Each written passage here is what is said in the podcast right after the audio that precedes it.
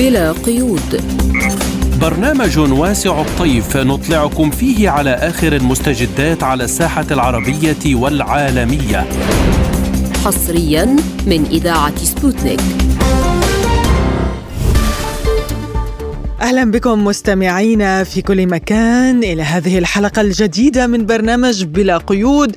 وكل عام وأنتم بخير بمناسبة حلول رأس السنة والعام الجديد. نتمنى طبعا يا محمد أن يعم السلام في بلادنا وأوطاننا العربية. كل عام والجميع بألف خير.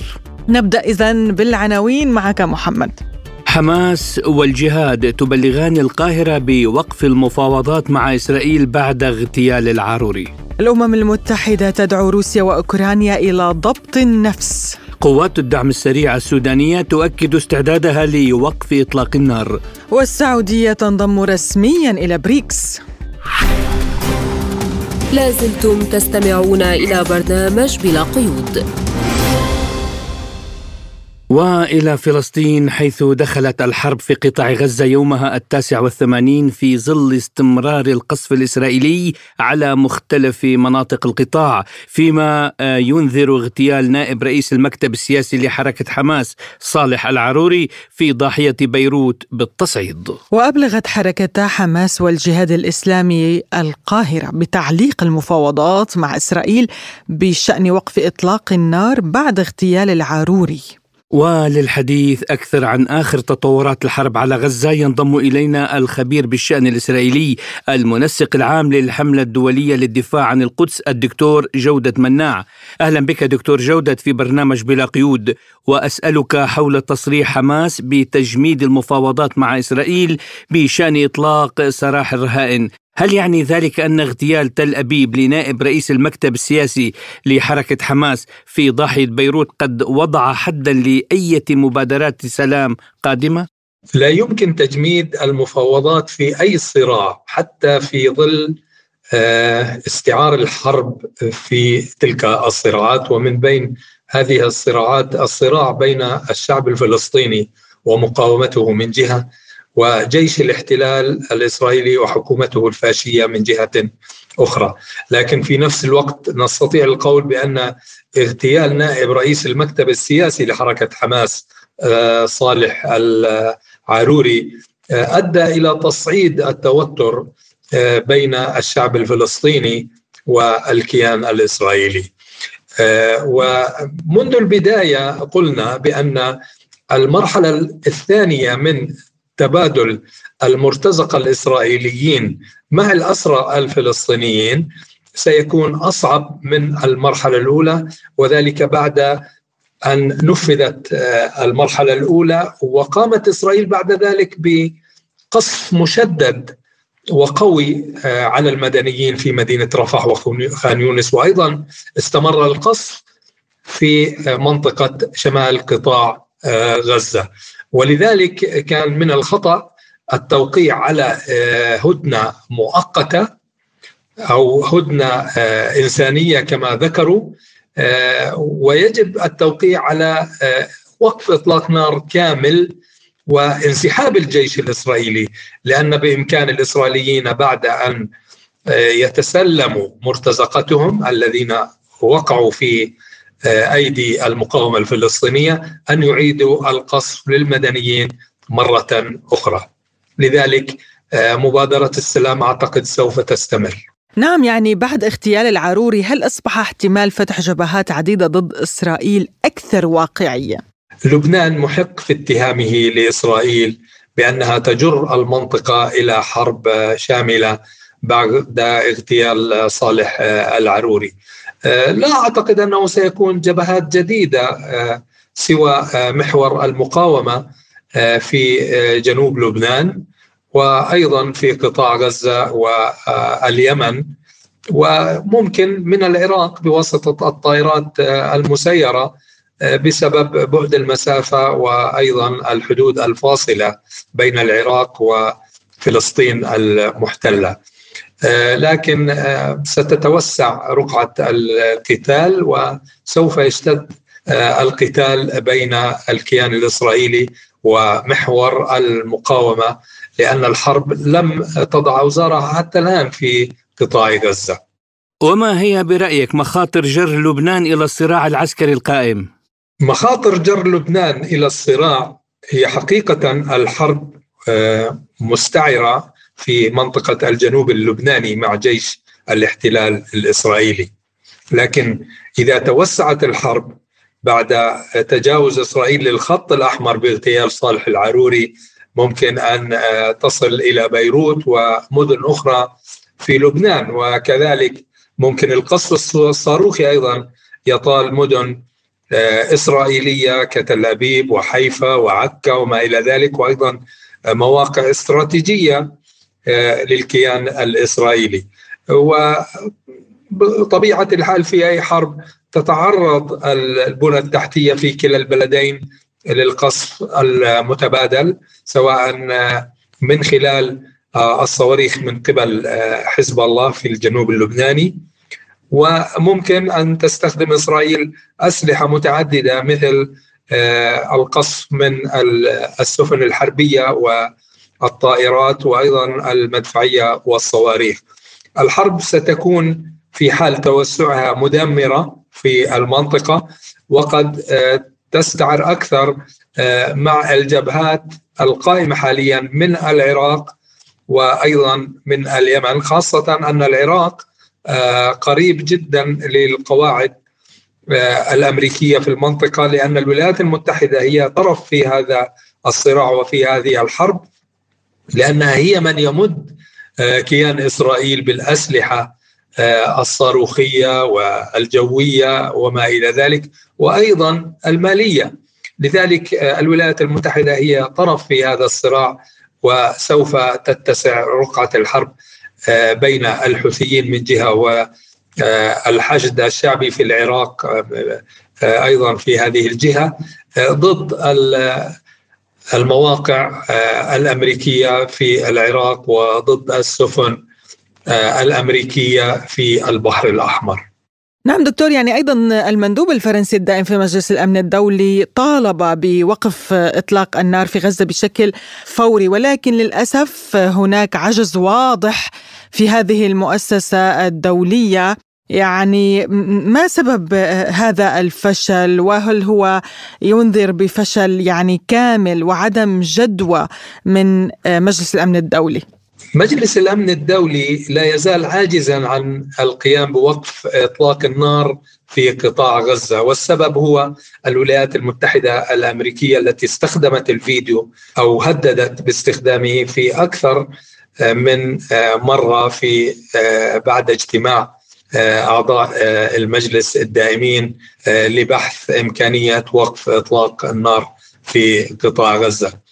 لذلك المطلوب الآن هو آه، الضغط على الولايات المتحدة وإسرائيل لوقف إطلاق النار لأن الحالة في قطاع غزة أصبحت آه، آه، أكثر تجاوزت خطوط الكارثة بعد تدمير البنية التحتية من مدارس وكهرباء ومياه ومستشفيات وحتى المواصلات والاتصالات شبه مدمرة بالتالي المطلوب عمل مشترك آه، من آه، المندوبين الدائمين في مجلس الأمن للضغط على الولايات المتحدة وإسرائيل لوقف إطلاق النار.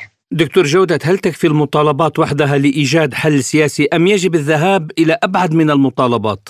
يمكنني القول بأن المقاومة الفلسطينية بعد اغتيال العاروري قد تتجاوز مسألة المطالبة بوقف إطلاق النار وانسحاب الجيش الإسرائيلي. حتى وإن تم استصدار وقف إطلاق نار بوساطة مصرية وقطرية قد لا يكون نافذا وممكنا، السبب هو الموقف الإسرائيلي المتمرد على المجتمع الدولي والمنظمات الدولية.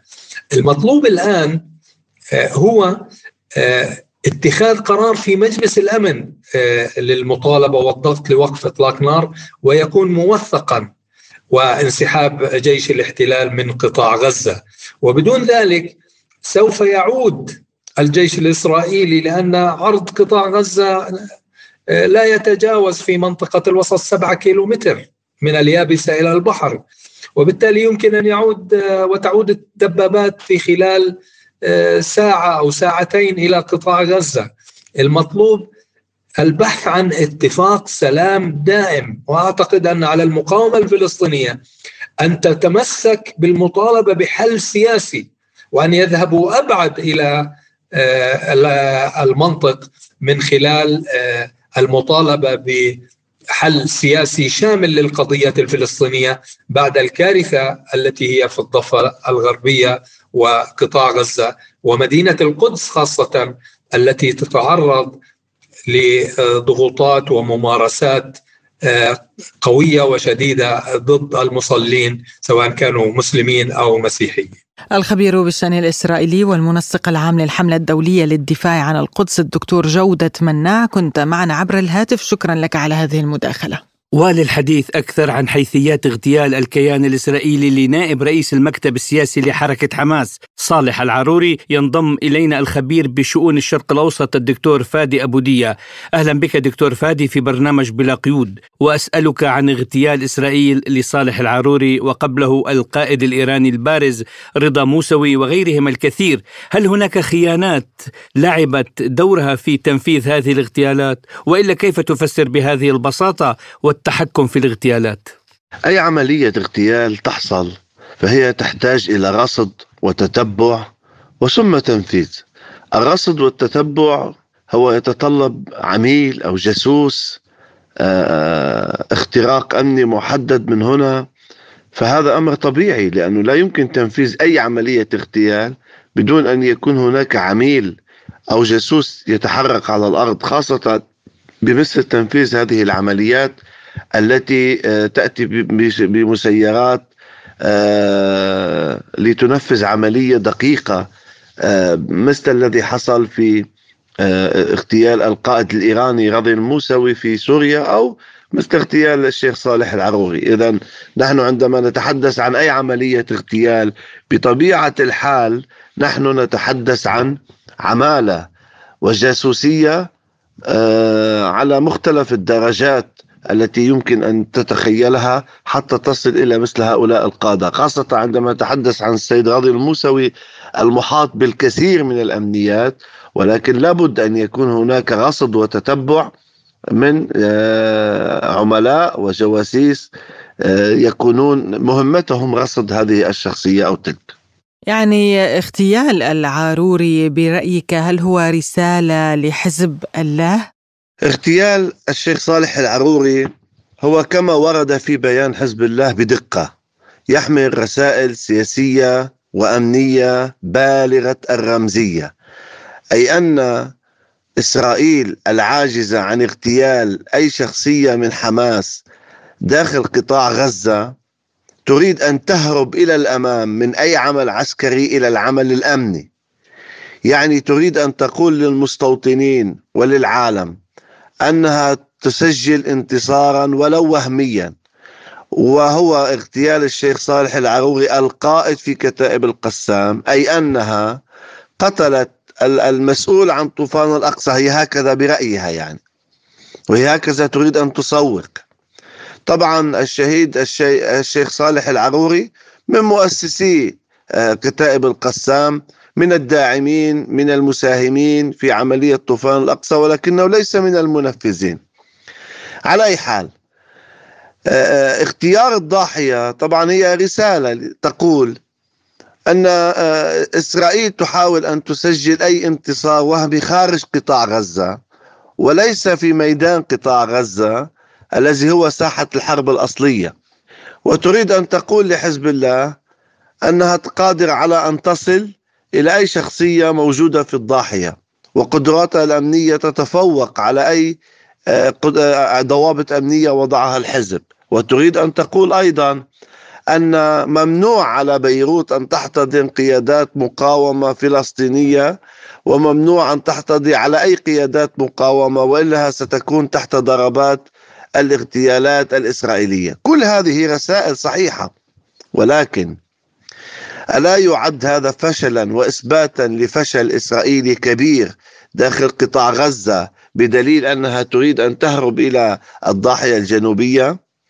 ألا تعتبر ذلك أن جبهة الجنوب هي جبهة موجعة كثيرا بالنسبة للإسرائيلي ويريد أن يهرب من جبهة الجنوب نحو جبهات أخرى ليحاول من خلالها أن يضغط على حزب الله أو يضغط على المقاومة بهذا الاغتيال علها تخفف من جبهة الجنوب؟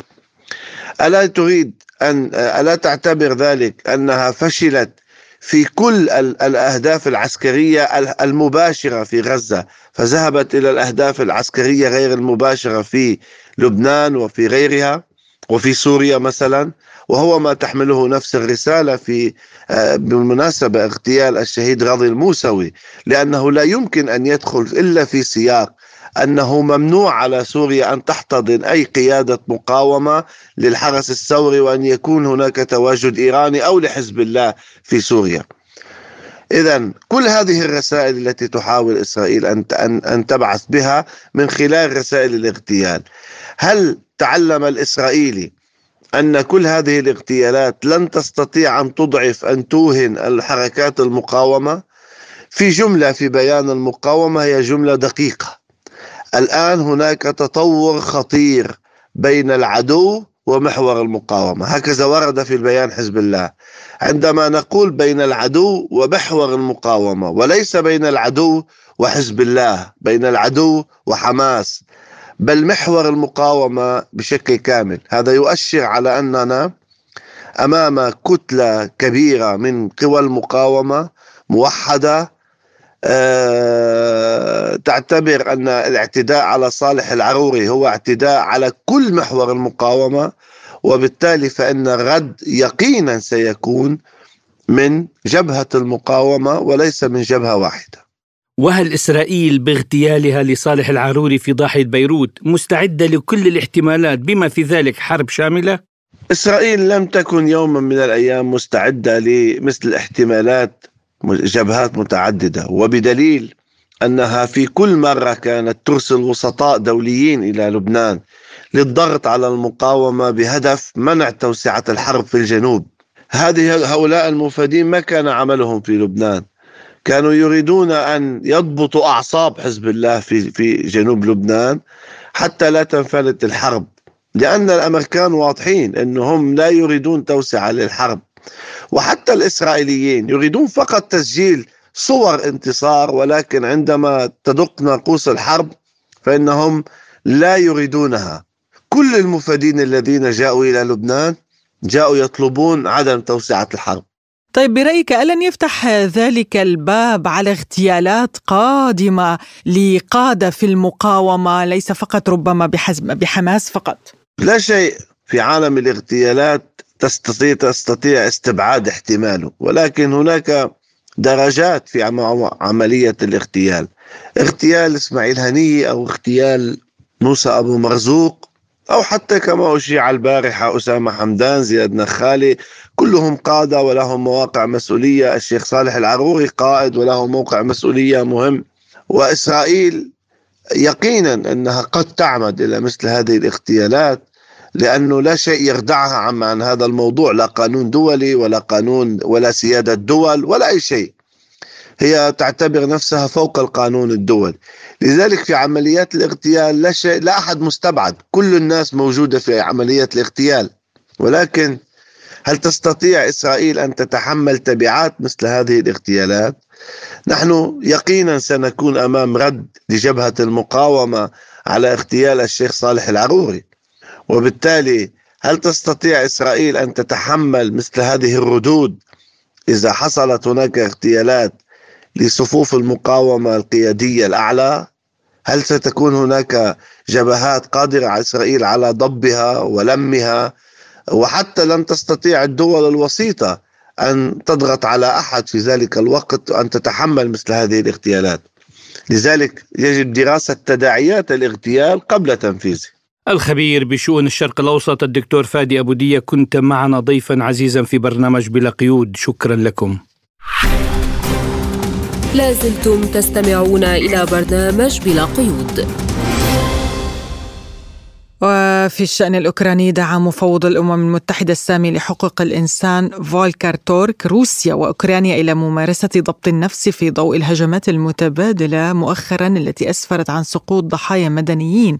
كما دعا مساعد الأمين العام للأمم المتحدة خالد خياري على خلفية هجوم القوات المسلحة الأوكرانية على بيلغراد أطراف النزاع الأوكراني إلى عدم إطلاق النار على الأهداف المدنية والمدنيين. وفي وقت سابق قال نائب مندوب روسيا الدائم لدى الأمم المتحدة ديمتري بوليانسكي بأن العديد من الدول في الأمم المتحدة بدأت تدرك فساد نظام كييف فضلا عن استهزاء الدول الغربية. وللحديث عن هذا الموضوع ينضم إلينا عبر الهاتف مدير مركز GSM للدراسات الدكتور آصف ملحم. أهلا بك دكتور آصف في برنامج بلا قيود ونبدأ من يعني القانون الإنساني الدولي يحظر الهجمات العشوائية على المدنيين. هل ينبغي أن نتوقع آه، تدخل من قبل المجتمع الدولي آه، أو ضغوط على أوكرانيا بعد آه، يعني كل هذه الهجمات على المدنيين في الداخل الروسي؟ فيما يتعلق بدعوة المفوض الأعلى لحقوق الإنسان في الأمم المتحدة آه، فولكر تورك. آه، يعني أعتقد أن هذه الدعوة جاءت فقط على خلفية التصعيد الكبير الذي شهدته المنطقة في الأيام التي سبقت بداية السنة الجديدة. وما بعدها يعني نحن نعلم جيدا أن هناك قصف مستمر ل آه، بالمسيرات وبالصواريخ لبعض المناطق الحدودية في روسيا وروسيا أيضا قامت بقصف شديد للعديد من المناطق الأوكرانية والعديد من آه، من البنى التحتية العسكرية ومخازن الأسلحة وما شابه ذلك في في مختلف المقاطعات الأوكرانية.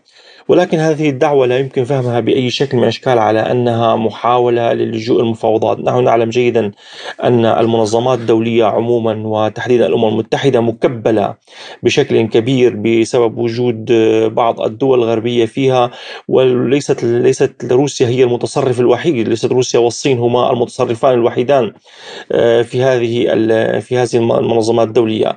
لذلك فإن أي قرار أو آه، لمحاولة التهدئة وما شابه ذلك ذلك سيصطدم برأي الدول الغربية. ونحن نعلم جيدا أن القضية آه، ليست أصلا آه، في أوكرانيا نفسها بل قضية في اللاعبين الدوليين الداعمين لأوكرانيا الذين يقدمون الأسلحة باستمرار والذين يريدون لهذا الصراع أن يستمر إلى أكبر قدر ممكن بهدف يعني استنزاف روسيا وإنهاكها في هذه الحرب. يعني هذا ملخص القضية لأنه آه، أما أما الأمم المتحدة فقد تدعو نعم تدعو إلى خفض التصعيد، تدعو إلى وقف إطلاق النار، تدعو تدعو إلى هدى الإنسانية ولكن هذه الدعوات كلها إذا لم آه، توافق عليها الدول الغربية التي تدعم نظام كييف فإنها فإنه لا فإن مصيرها الفشل بكل تأكيد. دعا البوندستاغ إلى تسليم منظومة صواريخ تاوروس إلى كييف لإعاقة إمداد الجيش الروسي هل من الممكن أن يبدأ الغرب على خلفية فشل الهجوم المضاد الذي شنته القوات المسلحة الأوكرانية في تزويد نظام كييف بمزيد من الأسلحة الفتاكة؟ فيما يتعلق بدعوة البوندستاغ أو البرلمان الألماني لتقديم صواريخ توروس آه، لأوكرانيا. آه، طبعا هذه الصواريخ هي صواريخ جو أرض آه، فانها فإنني أعتقد ان الصواريخ سيتم يعني تمريرها إلى إلى أوكرانيا وسيتم تقديمها إلى أوكرانيا. ولو أضفنا إلى ذلك تصريح سفير السفير الأمريكي في أوكرانيا على أن مدى الصواريخ يحددها الجانب الأوكراني فهذا دليل جديد على أن الغرب لا يوجد عنده نية اطلاقا هذه المساعدات، هذه المساعدات ستستمر لأن الغاية هم يعلمون جيدا يعني ونحن قلنا ذلك تحدثنا عن ذلك سابقا بأن أن أوكرانيا لا يمكنها أن تحقق نصر استراتيجي على روسيا ولكن الغاية من هذه المعركة كما قلنا هو استنزاف روسيا. لذلك من الأهمية هي المحافظة على سخونتها. آه ويعني آه عندما أعلنت روسيا على لسان المتحدث باسم الجيش المتحدث العسكري الروسي قالت إن الصواريخ التي آه قصفت بها بلغوراد هي صواريخ غربية الصنع. وكانت الغاية من هذا هي يعني توجيه إنذار يعني مبطن إلى الدول الغربية بأن بأنه سابقا سابقا كان يعني المتعارف عليه أن مدى الصواريخ التي تقدم إلى أوكرانيا آه، يجب أن يكون فقط ضمن الأراضي التي ضمتها روسيا أو التي ما يمكن اعتبارها أن وفق القانون الدولي على أنها ما زالت أراضي أوكرانية. لذلك فإن وفق تقديري أنا أن الغرب مستمر بتقديم هذه الصواريخ مستمر بتقديم هذه الأسلحة وسيزيد تقديمه لهذه الأسلحة لسبب بسيط وهو أن أوكرانيا بدأت تلجأ إلى ستبدأ باللجوء الهجوم.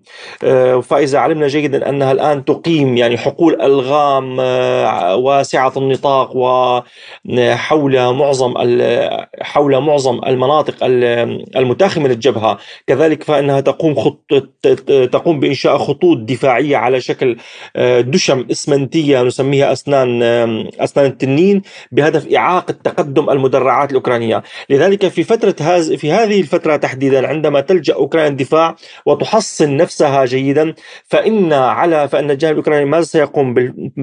سيقوم بقصف يعني الخطوط الخلفية ل آه، الخطوط الخلفية الروسية. ونحن نعلم جيدا في العلم العسكري قصف الخطوط الخلفية عادة يضعف الجبهة. وستقوم أيضا روسيا بنفس الشيء لأن روسيا أيضا لن تهاجم يعني هجوم لن تقوم بهجومات واسعة النطاق في هذه المنطقة. حفاظا على القوة وستقوم أيضا بقصف الخطوط الخلفية. لذلك الفترة المقبلة نعم سيستمر تزويد أوكرانيا بالسلاح آه، وخاصة آه، الصواريخ بعيدة المدى أتاكامس وتورس وغيرها وهذا الأمر يعني الغاية منه هو إنهاك كما قلت إنهاك روسيا يعني أيضا بريطانيا دكتور آه، أعلنت أنها ستواصل دعمها لكييف في عام 2024 وأيضا في السنوات المقبلة، هل هذا يعني أنها لا تريد حل المسألة الأوكرانية بشكل سلمي؟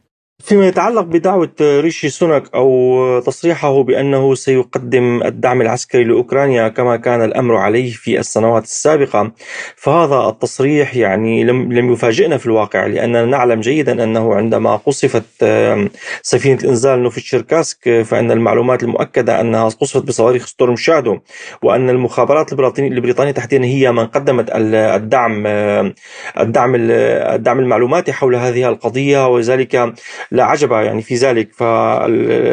فليس هناك لا يوجد نية عند الغرب للوصول لأي تسوية مع روسيا لأن هذا لأن التسوية بحد ذاتها ماذا تعني؟ يعني يجب أن نفهمها جيدا. أن التسوية بحد ذاتها ستكون روسيا ستفرض شروطها في هذه التسوية لأن هي المنتصرة في هذه المعركة. ووجود والحصول على أي تسوية في أوروبا فهذا يعني تقريبا انفصام حلف الناتو عن بعضه البعض. لأن أساس أساس وجود الأساس الاساس الإيديولوجي لوجود حلف الناتو كان ولا زال هو مواجهه سابقا كان مواجهة الاتحاد السوفيتي والآن مواجهة روسيا. ويعني والولايات المتحدة الأمريكية تخيف طبعا الحلف التحالف الانجلو ساكسوني يخيف دائما أوروبا كلها آه، يعني من هذا من هذا العملاق الكبير ومن هذا المارد الكبير الذي اسمه روسيا تحت شعارات مختلفة. والأوروبيون للأسف حتى الآن آه، غير غير مستقلون في قرارهم السياسي. لذلك فإن نعم بريطانيا ستستمر بتقديم هذه الأسلحة. ولكن كما نعلم جيدا قد تكون آه، الدول الغربية الآن آه، في حالة في حالة اقتصادية غير غير مؤهل لتقديم هذه الأسلحة. لذلك الخطوة اللاحقة ستكون عن طريق توطين الصناعات الغربية الصناعات الغربية في أوكرانيا. وكما قلت منذ قليل بأن أوكرانيا ستلجأ إلى الدفاع بهدف إعادة إنعاش اقتصادها من جديد وتأوين وتأمين الموارد اللازمة آه، بهدف آه، إنشاء هذه مصانع الأسلحة هذه في أوكرانيا. لكي تستطيع أوكرانيا نفسها الاعتماد على آه، على ذاتها في في في هذه الصناعات. وبالتالي يعني أعتقد أن المساعدات ستستمر يعني بهذه الكميات القليلة كما كانت سابقا مع آه، لجوء أوكرانيا كما قلت منذ قليل للدفاع الموضوع سيستمر للأسف الشديد على هذه الشاكلة. لذلك أعتقد أن الآن أصبح آه، يعني آه، الدور في عند روسيا إن صح التسمية بهدف يعني تصعيد تصعيد الصراع باتجاه طور جديد لإجبار الغرب على على يعني على تقديم التنازلات والقيام بخطوة ما باتجاه السلام. دكتور آصف مع بداية العام الجديد كيف بدأت تكثف قصفها للمدن الروسية بالمسيرات يعني ما الأسباب والأهداف من ذلك برأيك؟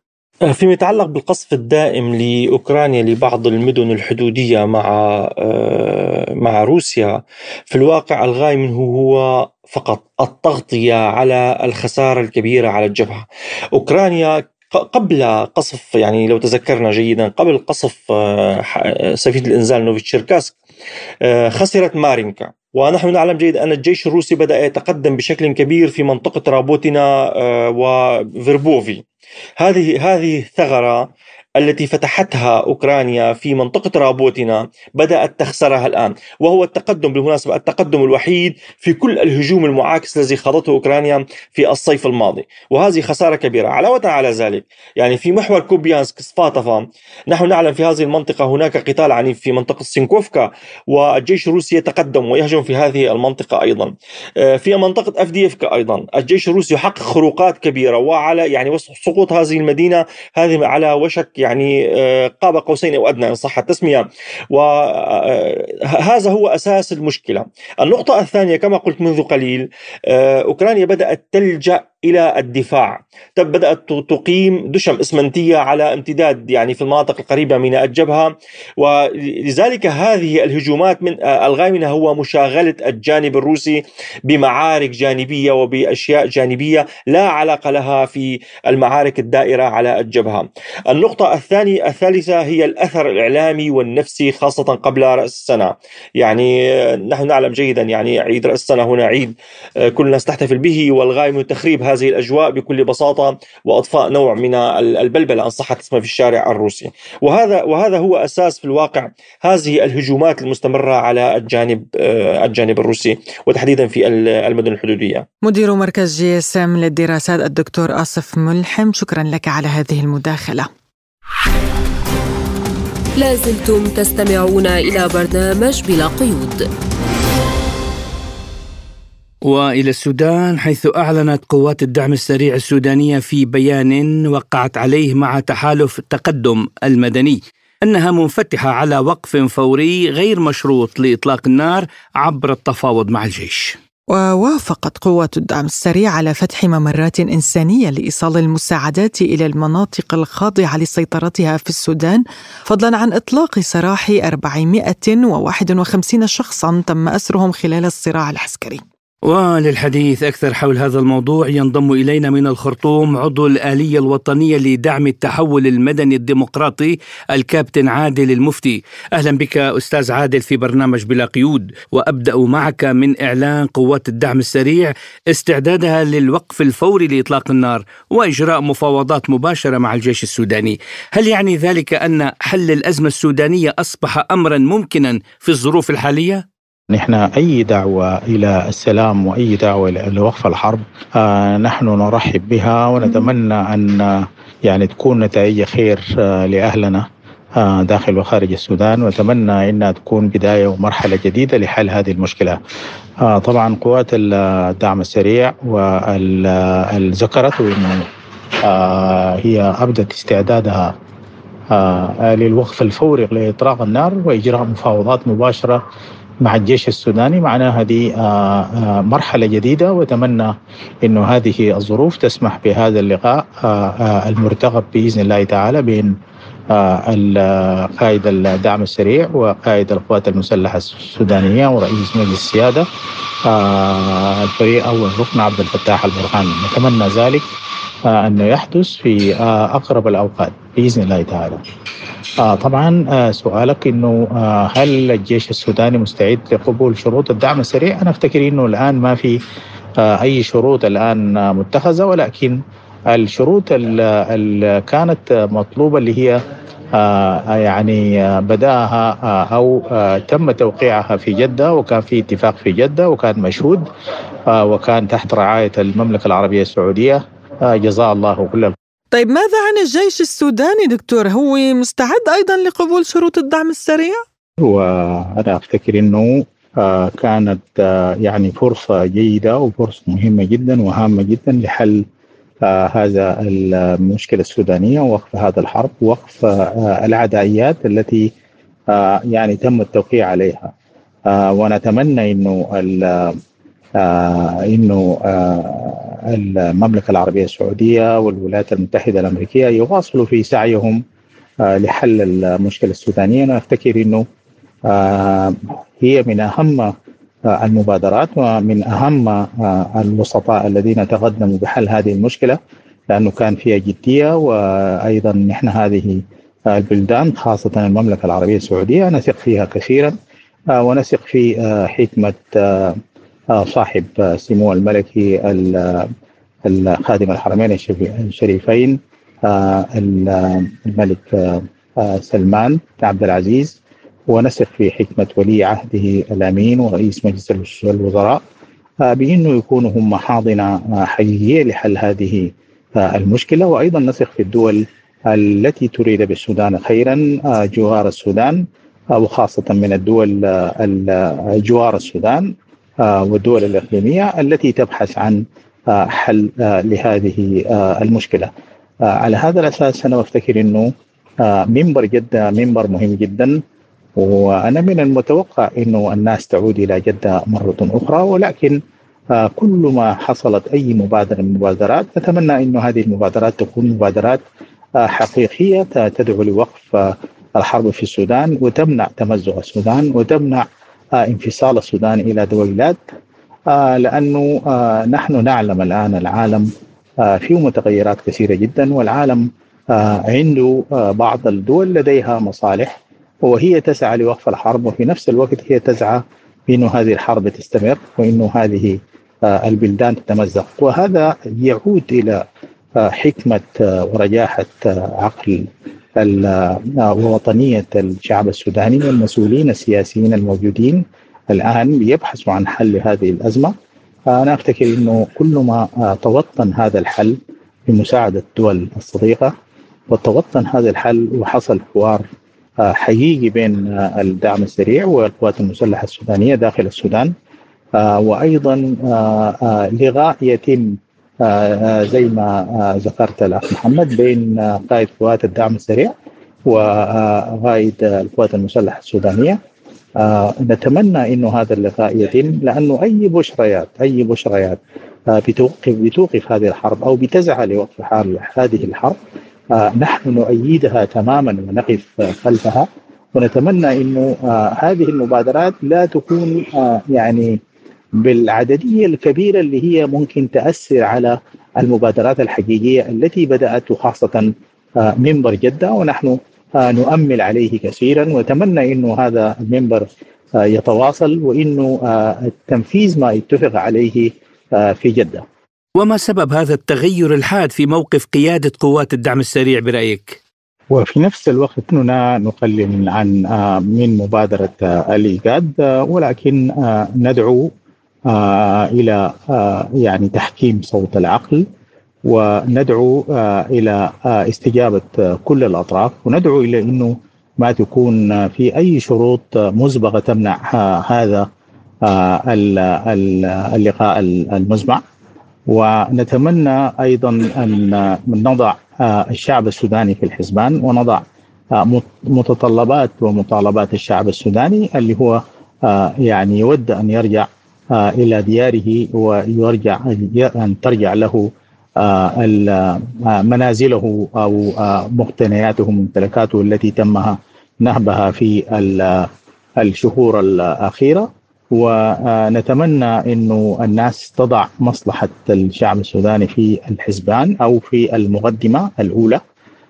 الآن الناس يعيشون حالة من النزوح وحالة من الألم وحالة من الضياع لأنه لا يعرفون ما هو المستقبل بالنسبة لهم في المراحل القادمة أو في السنة القادمة. أو أتمنى أن لا تكون في السنين القادمة. آه نتمنى أن هذه المشكلة يعني آه الناس تساهم في هذا الحل. والنبي صلى الله عليه وسلم في صلح الحديبية تنازل عن آه أنه هو آه يكتب آه هو رسول الله يعني آه هو رسول الله في الورقة وتنازل عنها برضا ولأنه كان يبحث عن الحل نعم دكتور يعني برأيك هل سيقوم الطرفان بدور فعال ومشترك في إعادة بناء البلاد بعد انتهاء الصراع بشكل كامل؟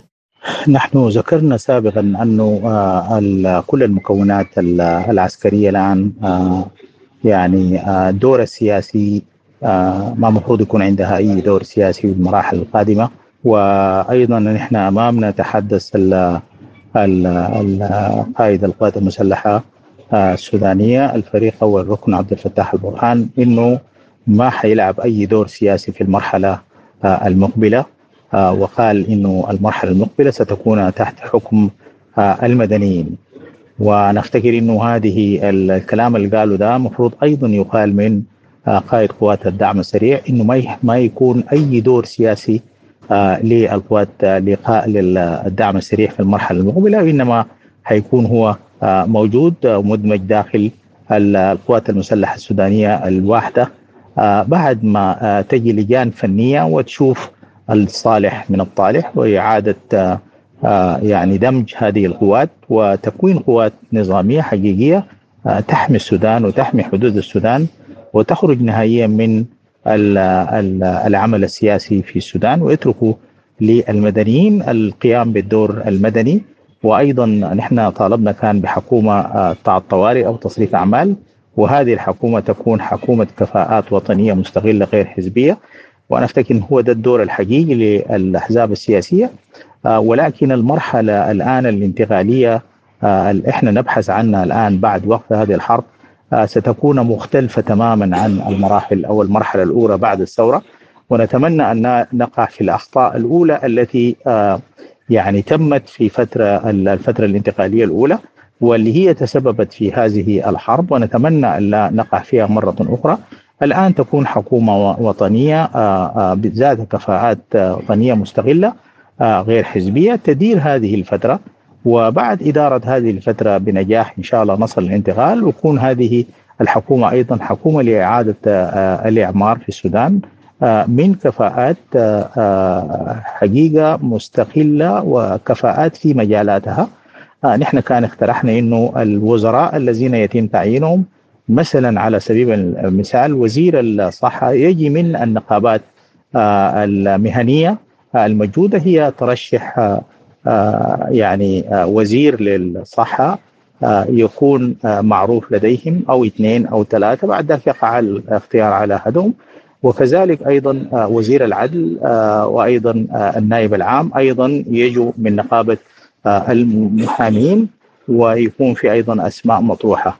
على هذا الأساس تتم تكوين هذه الحكومة التي يكون مدتها من ستة شهور إلى سنة وبعدها يجي بعض يجي أيضا اللغاء التداولي الذي طرحناه وهذا بدون اقصاء لأي مكون من المكونات ما عدا المؤتمر الوطني المحلول قانونيا كما ذكرنا سابقا ولكن أيضا كما قلنا إنه نحن لا نريد أن نعيد التجربة السابقة ونقع في نفس الأخطاء ونتمنى إنه الناس في هذه إذا جاءت أي فرصة وقفت الحرب ان تتعظ ويعني تبني بلدها بطريقة يعني مختلفة تماما زي ما يعني بدأنا الآن بعد الثورة. نريد الحرية ونريد السلام ونريد الديمقراطية بإذن الله تعالى. ولكن أيضا نريد الأخلاق والأخلاق الحميدة لأنه هذه البلدان لا تبنى إلا بالأخلاق. فنحن نبحث عن ذوي الأخلاق ونبحث عن الرجال الأقوياء الذين يحمون وطنهم ويعملون من أجل وطنهم وأيضا تكون لديهم سمعة طيبة في الماضي ونتمنى أنه زي ما ذكرت إنه تغف هذه الحرب. وإن شاء الله نبدأ سنة جديدة سنة خير وسنة سلام بإذن الله تعالى. نعم عضو الآلية الوطنية لدعم التحول المدني والديمقراطي الكابتن عادل المفتي كنت معنا ضيفا عزيزا عبر الهاتف. شكرا لك. لازلتم تستمعون إلى برنامج بلا قيود. وفي ملفنا التالي أعلنت المملكة العربية السعودية رسميا انضمامها إلى مجموعة بريكس وحصلت على العضوية الكاملة في المجموعة من بين ست دول أخرى مما سيعزز مكانتها على الساحة العالمية. من جهته قال المتحدث باسم وزارة الخارجية الإيرانية ناصر كنعاني أن انضمام أعضاء جدد لمجموعة بريكس يكسبها وزنا أكبر في المعاملات الدولية وأن بلاده أصبحت تتمتع بالعضوية الكاملة في مجموعة بريكس لافتا إلى أن إيران تركز على استغلال الفرص متعددة الأطراف والتعددية لأن هذا الأمر له نهج اقتصادي وتجاري خاص. وللمزيد حول هذا الموضوع ينضم إلينا عبر الهاتف من الرياض المحلل السياسي الدكتور سعد بن عبد الله الحامد. أهلا بك دكتور عبر سبوتنيك. المملكة انضمت رسميا إلى البريكس. كيف سيساعد انضمام السعودية إلى البريكس في تعزيز العملة الوطنية للمملكة؟ لا شك بأن عندما نتحدث عن هذه الدول الاقتصادية وهذه المجموعة الاقتصادية الكبيرة التي تمثل ربع ثروة العالم و23% من الناتج المحلي الإجمالي للعالم و42% من سكان العالم وأكثر من 16% من التجارة العالمية فنحن نتكلم عن منظومة آه، ومجموعة اقتصادية ذات مكانة قوية ومؤثرة في العالم ككل. وبالتالي فإن انضمام المملكة العربية السعودية إلى هذه المجموعة هو جانب مهم جدا ويصب في آه، يعني يصب في مصلحة آه، اقتصاد المملكة إضافة آه، إلى طبعا الجوانب الأخرى السياسية التنموية الثقافية وغيرها. إضافة إلى أن أيضا المجموعة ستستفيد من وجود المملكة المملكة العربية السعودية انطلاقا من دورها المحوري دولة مؤثرة سياسيا دولة آه، مؤثرة أيضا في استقرار أسواق النفط الطاقة آه، قدمت الكثير من خلال آه، يعني المحافظة على استقرار النفط والطاقة من خلال منظمة أوبك ومجموعة أوبك بلس آه، دولة دولة اقتصادية بدرجة عالية وموقعها جيوستراتيجي مهم أيضا ولديها إرث حضاري وعربي وإسلامي وهي عضو مهم في يعني كما أسلفت في منظمة أوبك وتسعى إلى أن أيضا تطور من يعني دورها في مجال الطاقة الخضراء آه، مستقبلا. وبالتالي فإن لا شك بأن الانضمام إلى بريكس يمثل آه، شيء مهم بالنسبة للعملة فعلا.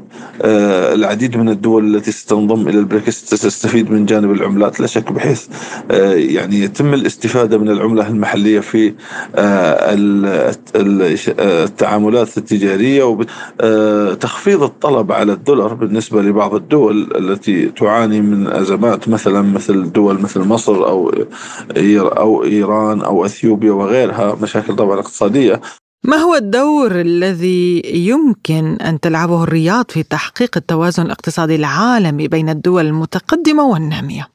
المملكة العربية السعودية أيضا آه، يعني يعني يعني تستفيد أيضا من بما طبعا من وجودها في هذه المنظمة بما يعني تمتلكه من فوائد مالية وأرصدة جيدة بصناديقها السيادية آه، مما يشكل فرصة لإفادة دول أعضاء تعاني عجزا في التمويل وزيادة استثماراتها مثل آه، يعني من ضمن أعضاء منظمة آه، عفوا مجموعة البريكست. هذا جانب إضافة إلى زيادة الصادرات لدول المجموعة والاستفادة من الاستثمارات الجديدة ورفع مستويات التبادل التجاري والتوسع في الصناعات المحلية. هذه جوانب المملكة العربية السعودية يعني تستطيع أن آه، تستفيد وتفيد منها من خلالها إضافة إلى أن أيضا آه، في حال نجاح ووجود عملة نقدية موحدة سيكون للمجموعة أثر كبير يعني في التقليل من الطلب على الدولار الأمريكي و بالتالي آه، تقليل الاعتماد عليه كعملة احتياط عالمي وهو هدف من أهداف المنظمة. طبعا أنا أتكلم عن آه، يعني أهداف المنظمة التي تسعى المجموعة عفوا مجموعة بريكس التي تسعى من خلالها أن تستفيد منها والتي يعني تقدمها وبالتالي الدول الأعضاء تستفيد منها والمملكة الآن أصبحت عضو من أعضاء البريكس أيضا هناك جانب مهم المملكة العربية السعودية ستستفيد منه وتفيد أيضا منه وهو أن المملكة العربية السعودية لديها يعني رغبة في تطوير قدراتها في إنتاج يعني وتصدير الطاقة النظيفة لأن الرياض آه، مرشحة لأن تكون دولة رائدة في تصديق في تصدير الطاقة النظيفة كالهيدروجين الأخضر والأمونيا الخضراء التي متوقع أن تنافس الوقود الأحفوري. وبالتالي آه، يعني هذه جوانب المملكة تستطيع من خلالها أن تساهم بشكل أو بآخر في آه، من خلال انضمامها لمجموعة بريكست إضافة إلى يعني مكانتها السياسية وهو جانبهم في وتأثيرها سياسيا ورأينا كيف تدخلاتها في القضايا. حتى يعني أقرب قضية هي قضية أيضا الحرب الأوكرانية الروسية وهو جانب أيضا حاولت المملكة العربية السعودية أن توجد وساطة فيه والعديد من القضايا استطاعت أن تدخل المملكة العربية السعودية كوسيط يعني مهم لإنهاء الصراع في لبنان في آه، دول عديدة في في يعني كذلك في آه، يعني اليمن آه، في العراق. وبالتالي هذا دور مؤثر جدا. تستطيع المملكة أن آه، تحافظ من خلاله هو أن آه، تحدث توازنا على الجانب السياسي والجانب والجانب الاقتصادي.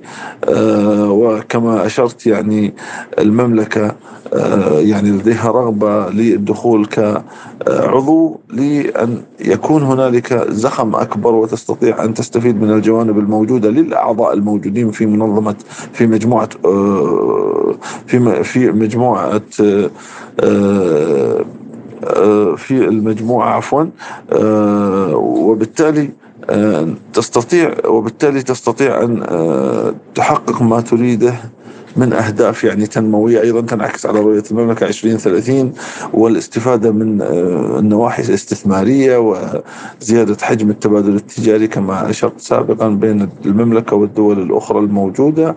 وبالتالي هذا يزيد من تحقيق التوازن الاقتصادي بين الدول يعني بين الدول الموجودة يعني آه، سواء متقدمة أو نامية.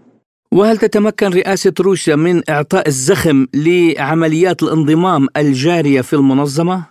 أنا أعتقد بأن أيضا بأن آه، روسيا وجودها في المنظمة آه، كرئاستها للمجموعة البريكست سيعطيها زخما أكبر وأفكار جديدة وتزيد من فعالية المجموعة وبالتالي جذب دول أخرى لديها نفس الأفكار والمبادئ التي يعني آه، تعنى بها المجموعة من أنشطة أيضا وتحقيق مساواة من من تحقيق أنشطة معينة وتحقيق المساواة المطلوبة والسيادة واحترام واحترام واحترام الرغبة في التنمية من قبل الدول الأعضاء. كذلك تفعيل الجوانب جوانب التبادل الجوانب المتبادلة من مصالح وانفتاح اقتصادي ناجح وإمكانية إقامة نظام عالمي متعدد الأقطاب بناء على تصريح طبعا بناء على ما رأينا من تصريحات سابقة للرئيس الروسي فلاديمير بوتين. آه، كذلك أنا أتوقع يعني بأنه خلال السنة القادمة أو رئاسه روسيا للفتره المقبلة آه، لهذه المجموعة آه، بأن يعني يكون هنالك إيجاد لنموذج تجاري عالمي فريد يستطيع إيجاد حلول للأزمات الاقتصادية والسياسية العالمية، طبعا روسيا لديها اقتصاد كبير، لديها منتج للطاقة ولديها يعني متحكم كبير في أسواق الطاقة ويعني لديها ثقل ولديها إمكانات كبيرة تستطيع من خلالها تفعيلها إضافة إلى الشركاء الموجودين الآخرين كالصين والهند والدول الأخرى والمملكه والإمارات ومصر وغيرها من الدول التي آه، يعني انضمت وستنضم لاحقا وبالتالي تستطيع روسيا أيضا خلق روح من التعاون لتحقيق المصالح المشتركة وتحقيق أهداف المنظمة والتركيز على جوانب يعني السياسة والأمن والاقتصاد والمالية والاتصالات والثقافة الإنسانية وزيادة تنسيق السياسات الخارجية للدول الأعضاء وتنفيذ الخطط الاستراتيجية المطلوبة للشراكات الاقتصادية وخطط العمل المشتركة بين الأعضاء في جميع المجالات.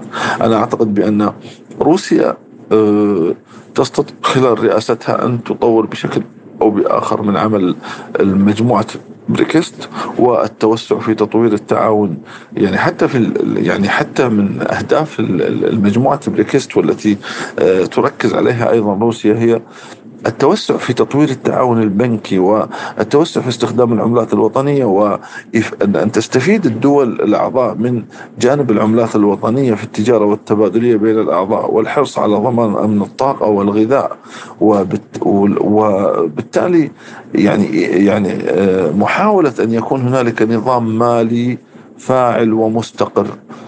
يعني هذه من أهداف المنظمة مجموعة بريكست والتي تسعى إليها آه، وكذلك آه، يعني جذب الاستثمارات المباشرة والرئيسية في صناعات هامة كالتعدين والنقل والطاقة النظيفة والخدمات المالية والتكنولوجيا المعلومات. وبالتالي إيجاد فرص عمل كبيرة بين الدول الأعضاء وتزيد من التبادل التجاري. يعني مع انضمام دول جديدة لبريكس كيف ستتغير صورة هذا التحالف؟